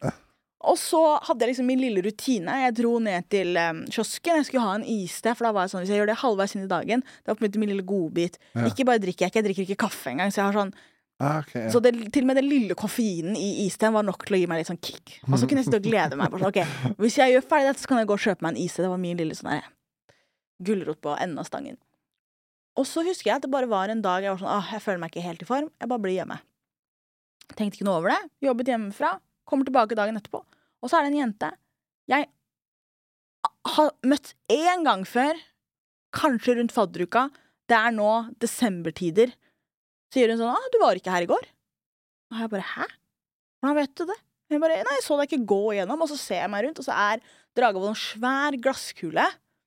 Så det er bare glass og vinduer overalt, som betyr at når jeg har tatt de mine lille turene mine, så har, jeg, så har alle som sitter i alle grupperom, hatt muligheten til å se meg, og fordi jeg er den eneste svarte jenta der, og jeg er høy, og av sjalet mitt, så ble folk vant til å se meg gå, og så la hun merke til at jeg ikke var der dagen etterpå, dagen etterpå eller dagen før. Og så husker jeg, jeg synes det var så creepy. Ja, men det, det, det, det må jeg bare si da, Hanne, at det er greit nok at du, du syns, da. Men hun dama der er jo fremtidig seriemorder. Ja, ikke sant? Så- jeg husker jeg synes det var så creepy å legge merke til at jeg ikke var der dagen før. Og det var en annen grunn til at New York appellerte sånn til meg. Bare åtte millioner mennesker. Jeg kommer ikke til å være den svarteste. Jeg kommer ikke til å være den høyeste. Det er sånn, det er ingenting unikt ved meg. Oi, enda en jente som flytta til New York. Det er millioner av oss. Millioner av jenter flytter til New York. Og jeg ble, jeg ble nesten sånn Jeg ble så gira på tanken av å ta den samme T-banen hver dag. Og ingen veit om jeg tok den dagen før. Ja. Og jeg kunne tatt den samme T-banen hver dag med et annet menneske, og ikke visst. Ja, ja, Det kunne vært det mest unike utseendet du noensinne har sett. Jeg hadde ikke lagt merke til dem. Nei. Fordi det er såpass mange mennesker som tar The L-train inn til First Ave, liksom. Fra Brooklyn. Du er på forkortelsen. Ja, ja, ja. ja. Eh, fordi jeg har jobbet i FN. så det også var en annen grunn til at jeg å flytte til New York. At jeg var bare sånn, Tenk å gjøre den samme Jeg kunne gjort den samme tingen hver eneste dag, og ingen hadde visst. Nei. Jeg kunne dra og gjøre standup, og så var det sånn, ok, greit, velkommen. Oh, you're from Norway. Så var det kanskje noen som husket meg neste gang jeg kom for å gjøre standup, Ja. men det var ikke samme sånn. Nei, du har ikke blitt kjent igjen på T-banen? Nei, Det er akkurat det, jeg hadde ikke det. Og jeg kunne gjøre standup syv ganger på en uke. Jeg kunne gjøre standup hver dag, en gang i uka. Også mer, da. Mm. Men det, jeg hadde ikke alltid tid til det. Hvis jeg gjorde standup mandag til søndag, så kunne jeg stå og ikke møte på den samme personen en gang til. Ja. For det var så mange. Det var så mange forskjellige steder å dra. Mm. At jeg bare sånn herre Det her er jo drømmen. Og for å kunne oppnå drømmen, så måtte jeg jobbe i FN. Ja, ja, ja. Det er kult at FN ble middelet for å ja. Ja, men det var det en liten del av meg. har lyst til å dra tilbake. Å gjøre en, gjøre en firmajobb for den norske delegasjonen. De har så fine lokaler. Det er insane. Det er så mye penger. Eh, og jeg har lyst til å dra tilbake og bare sånn Hei, inviter meg. Da er det full circle moment. Altså. Ja, Hvis jeg kan bli invitert tilbake til New York for å gjøre standup for, eh, for FN Mm. Selv om jeg jobbet for den somaliske delegasjonen, men de har ikke like mye penger, og det er så få av dem. Norske delegasjoner er dritsvære. De må også ha julebord. Ja, ja, ja. Inviter meg tilbake. Jeg jobbet med noen av dem i de forskjellige møtene jeg satt i. Men det var bare en surrealistisk tid i livet mitt. Da, var det, da pika jeg. I hvert fall jeg var der. Jeg kom i sånn juli. Den høsten pika jeg. Det er den beste høsten i livet mitt. For da hadde jeg vært der lenge nok til at jeg begynte å kjenne litt folk. Jeg hadde liksom sosiale planer. Jeg gjorde masse standup. Jeg, jeg husker jeg hørte et rykte om denne sørkoreanske filmen som het Parasite, som alle sa var så sykt bra, men den gikk bare i New York og LA, og jeg bare «Hå! Jeg er i New York og LA! ja, ja, ja. Så jeg dro og så den. Det var året Martin Scorseses eh, Å, hva het det? The Irishman. Irishman. Det var det året den kom ut. Sånn tre timer lang gangsterfilm. Tre og en halv, faktisk. Tre og en halv som gikk på Netflix. Jeg så den på kino, jeg. Å, gjorde du det? Ja, Midt Manhattan, så klart viser de den. Det var ikke midt, de viste den på um, IFC. Ja. Eh, og så var jeg der nede. Og så husker Jeg sånn, sånn Jeg husker ikke hvilke TV-serier de var fra, men det var noen sånne skuespillere fra noen TV-serier jeg hadde sett, som sto i køen med meg. Og så var jeg bare sånn wow. Jeg hadde en vits om at um, jeg er ikke Det var mens Donald Trump var president. Om at jeg ikke var den type skandinaviske immigrant han hadde håpet på. Eh, og sånn, ah, Han forventet Alexander Skarsgård, så var det jeg som dukka opp. Og så husker jeg gikk, og så gikk jeg forbi Alexander Skarsgård, og så var jeg bare sånn Hæ, du? Jeg sa jo ingenting, men jeg hadde nesten lyst til å si sånn Hei, bro, jeg har en vits om deg. Jeg er fra Norge. Eh, men en person jeg faktisk stoppa opp for, var så Av en eller annen grunn så hadde jeg hatt en halv arbeidsdag, eller det var et eller annet som gjorde at jeg var eh, Jeg var bare ledig. Og så var jeg bare sånn Jeg er veldig sjelden på vestsiden. Eh, vestsiden av øya. Eller Så jeg var bare sånn, vet du hva, la meg bare Jeg går vestover, så får jeg bare utforske. Og så husker jeg jeg bare gikk, og så var det sånn ah, Det er veldig, veldig fint her. Og så går jeg forbi en fyr litt lavere enn meg, med caps på, og så tenker jeg Det der er José Mourinho. Det må være Mourinho. Han var der med en sånn liten gjeng. De andre drev og tok bilder. Eh, men han bare sto på sida på telefonen hans, og så teksta jeg broren min, for tidsforskjellen var bra nok til at jeg visste at han var våken. ja, ja. Så jeg teksta han så sånn Ganske på at han gikk forbi Mourinho. Ja. Og så var han sånn Bevis det. Ja. Hvordan, hvordan skal jeg bevise det? Han bare ta bilde. Jeg bare, jeg skal ikke ta bilde med Mourinho. Eh, og så sa han, kalte han meg feiging. Og i min familie så blir det kalt feiging. Da må du hoppe ned fra det høyeste tårnet. Det har ikke noe å si. Ass. Ok, Da skal du gjøre hva enn for å vise at du ikke er en feiging. ja, ja. Det var sånn, jeg er ikke noe feiging, så jeg snudde. og så gikk jeg opp til han og sa Excuse me, sir, are you Jose Mourinho? Og han bare I am, yeah. Og så er det sånn Oh, I love football, can I have a picture with you? Og han bare Of course, yes. Og så var han veldig snill, tok et bilde. Ja. Og på det tidspunktet her så er Unai Emery manager i Arsenal. Og Pochettino har akkurat fått sparken i Tottenham. Så sier jeg ah, mate, you should take over Arsenal. Ja. Og han bare ah, maybe I will. Og så går jeg videre, og så ha-ha-ha. Under en uke etterpå så ble han Spurs-manager. Gikk til erkefienden. Erkefienden en, under en uke etterpå. Men det var den eneste kjendisen jeg møtte på i New York hvor jeg var sånn. Fordi med fotballspillere og fotballtrenere Jeg visste at han kommer ikke til å bli kjent igjen så ofte Nei. På Manhattan, liksom. Nei, Amerikanere bryr seg ikke like mye. Og han er jo ikke en Han er jo dritkjent manager, Ja. men de færreste ser en grei, høy fyr med caps som ser ut som en portugiser. Er bare sånn Er du den verdens anerkjente manageren Ja. José Mourinho?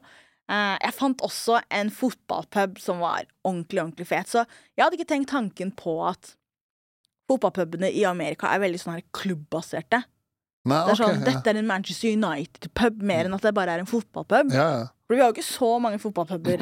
Oslo er ikke den beste byen for fotballpub. Nei. Og i Trondheim så var det en som var ganske fet, som het Mellomveien, men den er mer sånn, den var for alle. Ja. Så jeg hadde vært litt sånn her, ah, jeg har lyst til å se fotball, og med mindre det gikk sånn klokka syv om morgenen, så prøvde jeg liksom å ah, dra ut og se kampene eh, i helgene. Og midtukekampen gikk som regel midt på dagen, for da var klokka ni her, ikke sant. Mm. Ehm, og så Først så var jeg på en Manchester United-pub, og så var det jo god stemning. Men jeg var sånn, faen, de blir veldig gira av United her. Og så, og så sa jeg meg rundt og bare sånn, å ja, det er bare United-ting. Så skjønte jeg at det var en United-pub, og så var jeg bare sånn, ok, la meg se, da.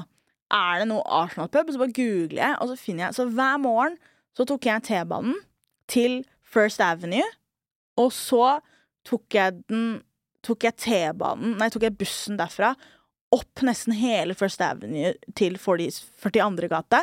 Gikk av der, og så der lå F-en. Så F-en lå 42nd and First, ikke sant? Og jeg tok den fra 14th and First. Og det gjorde jeg hver morgen. Jeg tok bussen. I starten så tok jeg bussen til Grand, nei, T-banen til Grand Central Station, bare fordi det var så stas å være Grand Central Og så gikk jeg fra Grand Central Station ned til F-en, som bare var straka veien ned. 42nd Street, som ikke var så langt, men det tok så lang tid, og Grand Central Station Jeg tok inn i rushen. Jeg, sånn, jeg må ikke gjøre det her mot meg selv. Nei. Jeg fant en raskere rute. Og så finner jeg ut at det ligger en Arsenal-pub på 14th Street and First Avenue, der jeg har tatt bussen fra hver eneste morgen. 20 minutter fra FN ligger det en Arsenal-pub. Jeg dro inn, og jeg så noen av de beste og gøyeste kampene. Det var én kamp som var eh, Arsenal-Chelsea. Det endte 2-2. Chelsea leder 1-0. Gabriel Martinelli har en sånn psycho-raid, og N'Golo Canté sklir, og han løper basically fra egen banehalvdel hele veien inn i mål. Det blir 1-1. Og så satt jeg med noen randoms. Eh, to folk som hadde vært der kanskje dager før. Han ene de jobbet i området, kanskje lå en Target eller et eller annet sånt i området. Og så hadde han vært sånn Oh, I had a great time here. Only yesterday I grabbed a beer. And then my colleague was like, Oh, should grabbed grab beer after work? And I was like, Oh, I know this quaint little pub. And then we show up and like, there's so many people here. Men det var fordi det var ikke kamp dagen før. Nei. Nå var det kamp, så de var bare sånn We did not expect this. Og så går hun på do, hun ene, og da scorer Gabriel Martinelli. Og vi var sånn Ah, you missed it! You scored while you were in the toilet. Ja. Og så går det hele kampen. Chelsea leder 2-1, og vi var sånn Ah, fuck, vi klarer ikke det her. Og så er hun sånn OK, so long left. Vi bare no, only at a time. Og så er hun sånn OK, I'll just go to the toilet. Så går hun på do, og mens hun er på do, så går Arsenal 2-2. Og når hun kommer ut, så hele puben bare Go back to the toilet! Go back!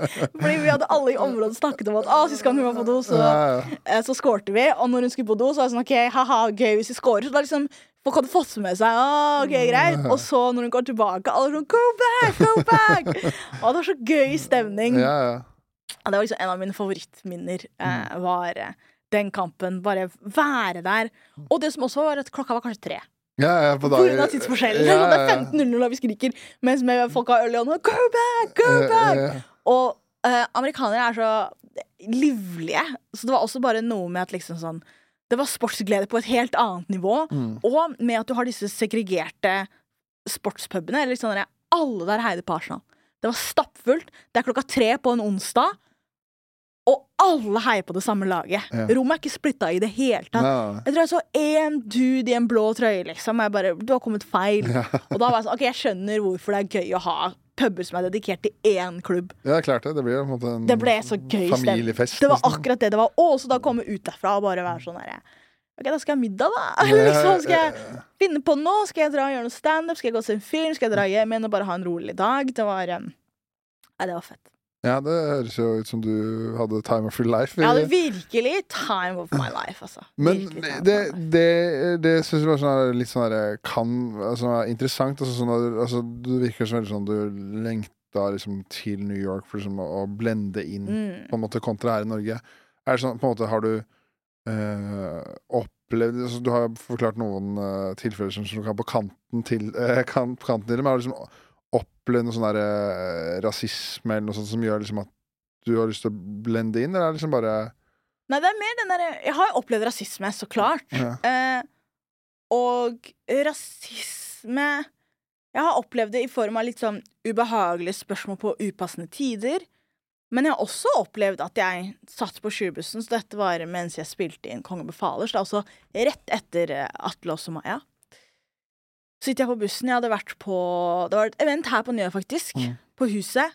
Og eh, jeg dro litt tidlig, for jeg var sånn «Ah, Jeg skal på opptak hele i morgen. Så jeg var sånn, vet du hva Um, kameraene er på liksom fra første sekund, så jeg bare jeg er ikke så gira på å komme dit og være sliten og trøtt. Og noen av de oppgavene er jo vanskelige. Så jeg, sånn, jeg, drar, jeg, drar ti, jeg dro ikke sånn klokka åtte, men jeg dro sånn i ellevetiden på en hverdag. Og så sitter jeg på bussen, og så er det en dame som begynner å skrike til meg. Så jeg sitter der først med headset på, jeg hører på Bærum og Beyer, gøy podkast, og så sitter jeg og ler litt. Å liksom komme i godt humør før jeg skal legge meg. Og så bare sitter jeg og smiler, og så begynner hun å skrike til meg sånn «Ah, Hvorfor smiler du? Hvorfor ler du? Og først så skjønner jeg det ikke. Jeg sitter på innsiden. Så sitter en fyr, og så er det midtgangen, og hun sitter på andre siden. Og først så skjønner jeg ikke at det er meg hun skriker til. Men så er jeg sånn, hvorfor smiler du, hvorfor gliser du sånn, hva faen, hva faen, hvorfor skal du smile, hvorfor skal du være så blid? Og så tar jeg ut headsetet og ser på henne, og så er jeg bare sånn, unnskyld? Og hun bare, hvorfor er du så blid, for faen? Og jeg bare, Hva har det med deg å gjøre? Og Jeg bare Fuck, du er så stygg. Jeg bare unnskyld? Hun bare Du er så stygg. Og nå begynner vi å nærme oss der jeg bor, så jeg bare sånn Ok, det er ikke neste stopp, men jeg skal av på stopp etter der igjen. Og så ser jeg jo, hun er jo drita. Hun har liksom masse flasker med øl, og så har hun en bikkje. Og så er det sånn, jeg er jo ikke redd for dyr, men jeg er også sånn derre Ok, har du kontroll på den bikkja der mens du driver og skriker på meg, på en måte? Skal jeg bare gi Og folk rundt så det jo, og hørte, og jeg så noen som hadde sånn derre rykk. Det sånn Skal jeg gjøre det, skal jeg ikke gjøre noe? Altså, jeg ble sånn Ikke ha de rykkene sånn Hvis du sier noe, så er det fett, men ikke ha de rykkene. Det ingen, du, du tjener ikke noe på det, du får ikke noe bedre karma av å vise meg at du vurderte å gjøre noe. Eh, og så bor jeg på dette punktet her på nest siste stopp, og så er hun fortsatt om bord. Så er sånn, greit, hvis hun går av på mitt stopp, så bare tar jeg den til siste stopp, og så går jeg hjem derfra. Hvis hun ikke går av på mitt stopp, så går jeg av på mitt stopp. Og så gikk hun ikke av på sitt stopp, nei, på mitt stopp, så da gikk jeg av. Og så var jeg på vei hjem, og så tenkte jeg sånn, ah, fuck. Men jeg tenkte også sånn, hva skal jeg gjøre med dette? Skal jeg ringe politiet? Hva skal de gjøre? Større saker blir henlagt, liksom. Så det er bare sånn, ok, fuck it, da. Da får jeg dra hjem, drikke et glass vann og bare sove og dra på jobb neste dag og late som at ingenting skjedde. Så sånne ting Og det var, det var en helt vanlig tirsdag. Jeg gjorde ingenting. Jeg satt og smilte. Ja. Jeg satt og smilte og hørte på en podkast jeg syntes var morsom. Bare hvis til og med det er provoserende, da ja. ja. Så, så man opplever Man opplever eh, Opplever ting. Og det var også kanskje en av grunnene til at jeg var sånn der ah, jeg har lyst til å komme meg litt vekk. Fordi at jo mer multikulturell by, jo mindre tenkte jeg, da. Ja, At jeg kommer til å ha slike opplevelser. For det, jeg kan bare se for meg sånn herre For jeg har jo åpenbart ikke opplevd det selv, da, men jeg var sånn herre Det var én gang Det er eneste gangen jeg liksom har vært eh, har brutt så sånn herre Det kan du ikke si. Og det var sånn her, jeg, var, det var, var, jeg skulle med datteren min på en annen legesjekk. Og det her selvfølgelig er sånn her, det er sikkert sånn man opplever, da. Eh, og det er bare at da var liksom dama bak skranken på legekontoret. Da var det en dame med hijab. Og så sånn, sånn spørsmål sånn Er det ikke varmt i den der? Ja. Sånn, skjønner, skjønner du hva jeg mener? Og det er, sånn der, det er så, så jævlig kvalmt, sånn provoserende å høre på sånne Sånne sykt Sånne der sykt rasistiske undertoner. Ja. Liksom sånn Så jeg bare Jeg kan liksom ikke se for meg hvor kjipt det må være, da, på en måte. Ja, og det som også er at det skjer jo også hele tiden. Mm. Man, folk, man får kommentarer, og så er folk også noen ganger så er sånn her Ja, men prøv å være på den sikre siden, for hvis vi spør 101 av dem, og så er jeg bare sånn Ja, ok, men det er skitt for de 99 andre for det, ass. Ja. Selv om du tror du er på den rette siden. Men, Mm. men det er veldig det er, Og det, det som er de, de store aggressive tingene, de skjer, men det, det, det er med jevne mellomrom. Det er verre med de derre små, irriterende som skjer hele tiden, hvor du er bare sånn herre Må jeg forklare det? Mm. Eller liksom Må du anta akkurat det? Eh, og det prøver jeg med humoren min noen ganger også, å kommentere på de tingene, men jeg setter meg selv i den absurde situasjonen, sånn at du da er sånn her OK, du lo av meg, og så er du sånn OK, det er jo ganske psycho av han å reagere på den måten der, men det er jo litt sånn som vi reagerer på andre ting også, eller jeg hadde en vits eh, Og vitser er morsommere på scenen, så folk må Jo, jo, lytter, så husk at det er morsommere på scenen. Men eh, det var en periode jeg sa setningen sånn eh, Jeg har det samme forholdet til bønder som Frp har til utlendinger. De har ikke gjort meg noe, men jeg er redd for dem. ja, ja, det er gøy. Ja. Ikke sant? Hvor Det er sånn, ok, det er Mm. absurd at jeg står der og sier at jeg er redd for bønder. De har bokstavelig talt ikke gjort meg noe. Og så er det sånn Ja, er ikke det absurd? Ja, ja. Er ikke det absurd at jeg står og sier det? Mm. At eh, humoren min er faktisk mer sarkastisk enn hva man skulle tro. Fordi ved første øyekast, eller liksom første gang du hører det, så er det ok, greit, en blid, smilende jente som bare prater om at ah, det er litt morsomt at hun er redd for bønder. Ja. Men så tenker du sånn Hun kan jo ikke på ekte være redd for dem. Altså er sånn ah, Ja, ah. Det har på en måte en sånn sarkastisk undertone som kanskje krever ett steg til å tenke, da. Mm. Jeg har en annen også hvor jeg sier sånn derre Å og alle går ikke på bekostning av Frp, men jeg bare sånn at jeg bare sånn Jeg elsker 17. mai. Jeg elsker 17. mai så mye at jeg var sånn Herregud, jeg skjønner hvor Frp kommer fra. Ja, ja, ja. At man blir litt sånn rasistisk av å digge 17. mai.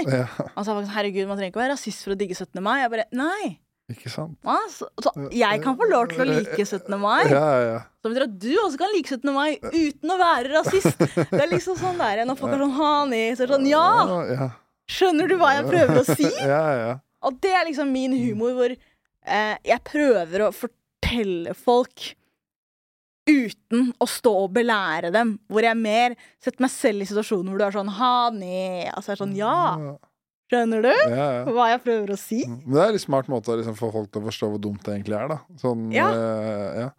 Det, det, fungerer, det fungerer. Og det jeg også gjør, er at jeg, jeg gjør meg ikke selv til en dum karakter. Nei, jeg mente ikke deg. Nei, Men jeg nei. mente liksom det budskapet ditt gjør det så tydelig Altså si, si, altså, si at eh, jeg ikke liker deg for det, hudfargen din, da. Ja. Og så da får du det så tydelig fram med de vitsene, akkurat Ja. hvor dumt det skulle Det være. er akkurat det. Og før jeg sier den setningen, så fremstår jeg som en intelligent og reflektert person. Så når jeg sier det, så er du bare sånn derre Men hun kan ikke mene det, hun er smart. Ja. Og det er det veldig ofte andre sier. At, ikke ofte, men jeg har hørt at sånn derre Nei, men han kan ikke være rasist, han er snill. Mm. Og så er det sånn OK, greit. Jeg er ganske snill. Ja. Den tingen jeg sa, det var litt rasistisk. ja, ja, ja, ja. Eller hvis bønder hadde vært en rase, så hadde ikke det vært greit. Ikke sant? Men jeg er ikke noe dum, som betyr at smarte mennesker kan ha disse tankene. Mm. Smarte mennesker kan mene disse tingene her. Uh, og det er derfor jeg driver med standup og ikke skriver kronikker. Yeah. Fordi I kronikk så hadde jeg ikke klart å få frem det poenget, for da hadde jeg følt at jeg måtte overforklare. Mens i standupet så kan jeg bruke blikket mitt. Jeg kan liksom hjelpe publikum å komme til den konklusjonen om at Litt større verktøykasse. ja, og være sånn Det er en tullete ting. Jeg bare Er det det? It was all part of my plan. Ja. My masterplan. ja. Uh, men det er siden vi er inne på sånn derre Jeg føler liksom Sånn som du har vært på Du vært på P3 Morgen, Kongen befaler eller Soloshow liksom, du er, Nå som du liksom er litt i media og sånn, da, så har det vært sånn herre mye skrive og snakke om at uh, At det er veldig Altså, altså kvinnelige komikere kan få mye hat og stygge kommentarer, sånn som Martha Leivestad, som var helt på trynet, liksom, stengt kommentarfeltet. Er det noe du Har du fått noe liksom, på det etter Kongen befaler, eller er det, eller er det gått bra? Jeg er ikke like godt eksponert som det Martha Leivestad er. Martha Leivestad har et mye større publikum enn det jeg har. Ja. Så hun treffer også mye bredere, og da kommer det mye mer Men bare hat. siden Kongen befaler er Jeg har fått jeg... noen DMs, men de er som regel morsomme. Jeg, ah, ja. Nei, det er bare sånn Det var en fyr som sendte meg en DM som var sånn 'Halla, du er ikke morsom'. Og jeg lo så lenge, for jeg tenkte sånn Jeg har hva 1600 følgere på Instagram. Ja. Sånn at det betyr at du må ha satt deg ned, søkt opp, ha han i huset en Instagram. For jeg er ikke stor nok til å bare dukke opp, på en måte. Så du må sånn, ok, først må du google, ja, ja. og så må du inn på Instagram, og så er det sånn Stemmer det, er det riktig? Ja, ja, det står komiker. Ok, Sende melding. Halla! Utropstegn. Du er ikke morsom. Send! Og bare være sånn Åh, der var dagens gjerning gjort! Og så gå videre med livet ditt. At det er bare så Det er så jævlig sånn der Fortell meg at du har et trist liv uten å fortelle meg at du har et trist det liv. var, det var litt det jeg tenkte. Og så er det jo ingen som har gått på noe ekte. Nei. Ingen har gitt meg noe Det har ikke vært noe god kritikk. Det har ikke vært sånn herre Å, den ene tingen jeg er veldig usikker om, den har de kommentert på. Det har bare vært sånn Du er ikke morsom. En eller annen sendte meg bare eh, mellomfinger-emoji, en langefinger-emojien. Og jeg bare OK, takk. Men eh, eh, Men jeg er faktisk Akkurat nå så ble jeg litt stressa for at jeg prater om det. Fordi at jeg har ikke lyst på det. Nei, nei, selvfølgelig Og jeg, ikke. Det. dette er ikke ment som sånn åpen invitasjon. Herregud, send meg. Men jeg merket at jeg ble litt sånn Å, shit, er det dumt at jeg prater om at, at jeg får litt For akkurat nå er det veldig overkommelig. Det er veldig Ja. beherskelig for meg. Men jeg har tenkt at da Jeg har på en måte hatt sånn sakte, men sikker eksponering. Det har aldri gått egentlig fra null til 100 med meg. Det var sånn der, Ok, Først starte med standup, det er litt sånn småting. Og så å, jeg var med på Latterlig politikk, som er litt grann TV, og som er i P3-universet. Så har vi dyppet litt tærne mine i det, og litt flere folk har sett meg. Og så er det sånn, å, ok, greit, jeg får stå på litt større scener med litt flere komikere. Å, jeg begynner å bli litt sånn lokalkjent her i området. Torshov, Løkka, da kan det hende at unge mennesker ser meg og sier 'Å, du er morsom'. Å, da får jeg P3 Morgen. Men jeg er ikke i stolen hver dag og har liksom nei. hundretusener av lyttere hele tiden. Jeg kommer i den lille halvtimen min, og så er det sånn 'OK, du får være med på eh, Kongen Fall som et ganske stort program', og det er mye som skjedde rundt det. Men jeg som enkeltperson fikk ikke så mye på mine skuldre. Og jeg var fortsatt, jeg var fortsatt eh, komiker i konseptet, så jeg fikk vist meg fra den siden som jeg er komfortabel med. Og så setter jeg, så setter jeg opp et soloshow. Ikke på den største scenen. Jeg har gønna litt på og gjorde det for, se- gikk opp for sexshows. Ja, ja. Eh, men, men fortsatt i et kontrollert område. At jeg har på en måte ikke Jeg har ikke eksplodert over natta. Nei. Det har på en måte gått sakte, men sikkert. Sånn at de som da har funnet meg, det har vært relativt organisk, og de har hatt lyst til å være med. Fordi at jeg er ikke stor nok til at hvis du har null interesse i meg, at jeg bare blir kasta på deg. Ehm, så jeg er litt jeg kan, Det kan hende at noen ganger at jeg blir litt sånn bekymra for OK, men hva skjer når, når, jeg, når det kommer ut av kontroll? Eh, fordi at hvis det skjer at, at jeg blir større enn det jeg er nå, så er det en selvfølge at hat kommer med det. Det, er måte, det er en del av pakka. Jeg er kvinne, jeg er svart. Det er sånn Vær så god. Eh, og så bare håper jeg at eh, jeg har nok penger til å betale psykolog, liksom. Ja. Når den tid kommer. Men eh, da må du Ja, det er sexshow. Da blir det har råd til et par timer, da. Har råd til noen få timer. ja. Mm. Men jeg tenker vi kan altså, sånn, eh, Vi kan straks uh, runde av, men har liksom sånn herre uh, Jeg tenkte var kanskje gøy å avslutte med sånn herre sånn som noe sånne ting du har soloshow nå, og de tingene. Har du liksom noe sånn hva, at du ser for deg at du har lyst til å gjøre? Altså hvor du har lyst til å være om x antall år, eller hva som er din plan? da? Ja, riktig. Jeg tenker veldig mye på egen fremtid. Mm. Og ah, frem til nå så har jeg på en måte hatt en ganske sånn tydelig plan. Eh, om liksom ting jeg har lyst til å oppnå. Og sjokkerende nok, for meg i hvert fall, så har jeg oppnådd, oppnådd det relativt tidlig.